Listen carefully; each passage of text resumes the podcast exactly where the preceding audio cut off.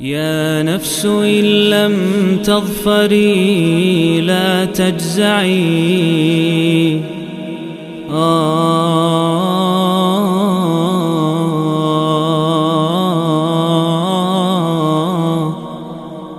Bismillahirrahmanirrahim Alhamdulillah wassalatu wassalamu ala rasulillah Wa ala alihi wa ashabihi wa man wala Wa la hawla wa la quwata illa billahi amma ba'd Ini adalah hari yang ke-58 membahas uh, 114 surat-surat dalam Al-Quran Secara ijmali Dan kali ini bersama surat Al-Mujadilah Surat yang ke-58 Surat ini Madaniyah Dan awal dari juz 28 dan fakta menarik ya bahwa kan Al-Quran suratnya 114. Kalau dibagi dua kan 57-57 ya. Berarti teman lalu surat Ahadid itu kita sudah sampai di akhir dari setengah pertama. Al-Quran secara hitungan surat, secara jumlah surat. Padahal posisi Al-Hadid adalah penghujung juz 27 ya kan? Jadi kita boleh bilang bahwa setengah Al-Quran di eh, secara jumlah surat setengahnya itu ada di 27 juz. Kemudian setengahnya lagi itu ada di tiga juz terakhir. Maka saya uh, dulu kan ngafal Quran dari belakang ya. Dan saya selalu ingatkan ini pendapat pribadi wallahu dan juga pendapat banyak guru-guru masyayikh asatidah kiai bahwa menghafal itu paling bagus dari belakang. Apalagi surat-surat juga yang pertama turun kan mufassal. Ibnu Abbas juga tegaskan menghafal itu dari mufassal. Intinya dari belakang. Nah, itu ketika sampai sudah selesai juz 28 maka untuk menghibur diri menyemangati diri bolehlah bersyukur pada Allah telah menghafal setengah Quran dari sisi jumlah surat. Surat Al-Mujadilah ini madaniyah dan turun setelah surat Al-Munafiqun sebelum surat Al-Hujurat.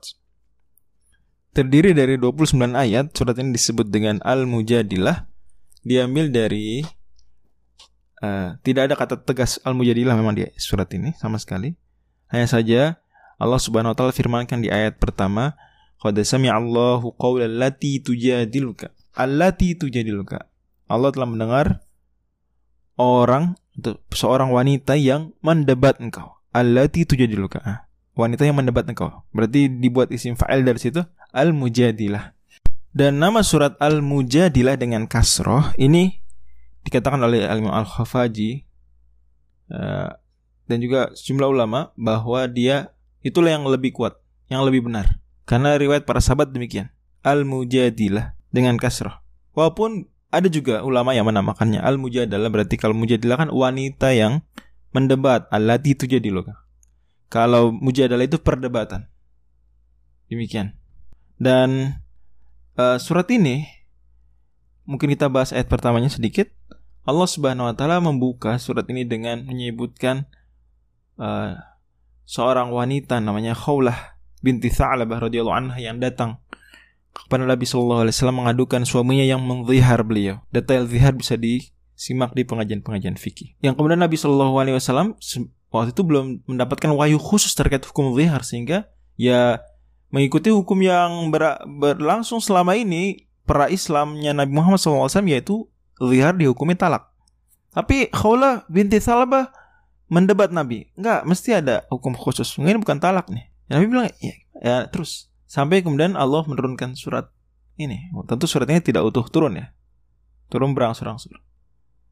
Nanti kalau ada surat turun utuh saya akan insya Allah beritahu. Kalau tidak maka pada dasarnya suratnya turun tidak utuh sekaligus. Dan surat yang turun utuh sekaligus hanya 11 surat. Uh, turun bagian awal surat ini di mana Allah mengatakan Allah telah mendengar. Dan di akhir ayatnya Inna Allah sami'un basir. Allah maha mendengar, maha melihat. Nanti Allah memberi jawaban atas uh, permintaan dan kekekehan wanita tersebut. Kata Aisyah radhiyallahu anha ketika ayat ini sudah turun dan oh, beliau sudah menghafalnya dia jadi nabi juga. Saya sendiri aja itu kan Aisyah nemenin nabi dan wanita tersebut ya. Uh, nemenin tapi Aisyah bilang saya nggak dengar jelas sebenarnya wanita tersebut mendebat apa saya bersama ya sehingga tidak terjadi khawah tapi Aisyah nggak terlalu dengar terlalu jelas tapi Allah mendengar masya Allah demikian kata Aisyah radhiyallahu anha Nanti pun di zaman Umar bin Khattab radhiyallahu anhu, ketika Umar membuat satu mengumumkan satu putusan, Khalid bin Salabah kembali mendebat beberapa kali mengkritik Umar bin Khattab, sampai Umar bin Khattab meralat beberapa putusan beliau. Dan ada orang yang bertanya kenapa Umar engkau perhatikan perhatian sekali dan mempertimbangkan sekali pendapat wanita tua ini. Atau Umar bin Khattab, kamu nggak tahu. Beliau adalah Khola binti Sa'labah. Sami Allahu qawlaha min fawqi sabi as-samawat. Masya Allah. Kata Umar, apakah Allah mendengar dia tapi saya nggak dengerin dia? Masya Allah. Dan tema besar surat ini adalah tentang detailnya ilmu Allah subhanahu wa ta'ala. Detailnya pengetahuan Allah subhanahu wa ta'ala. Ya tersirat dari kisah tadi juga di awal.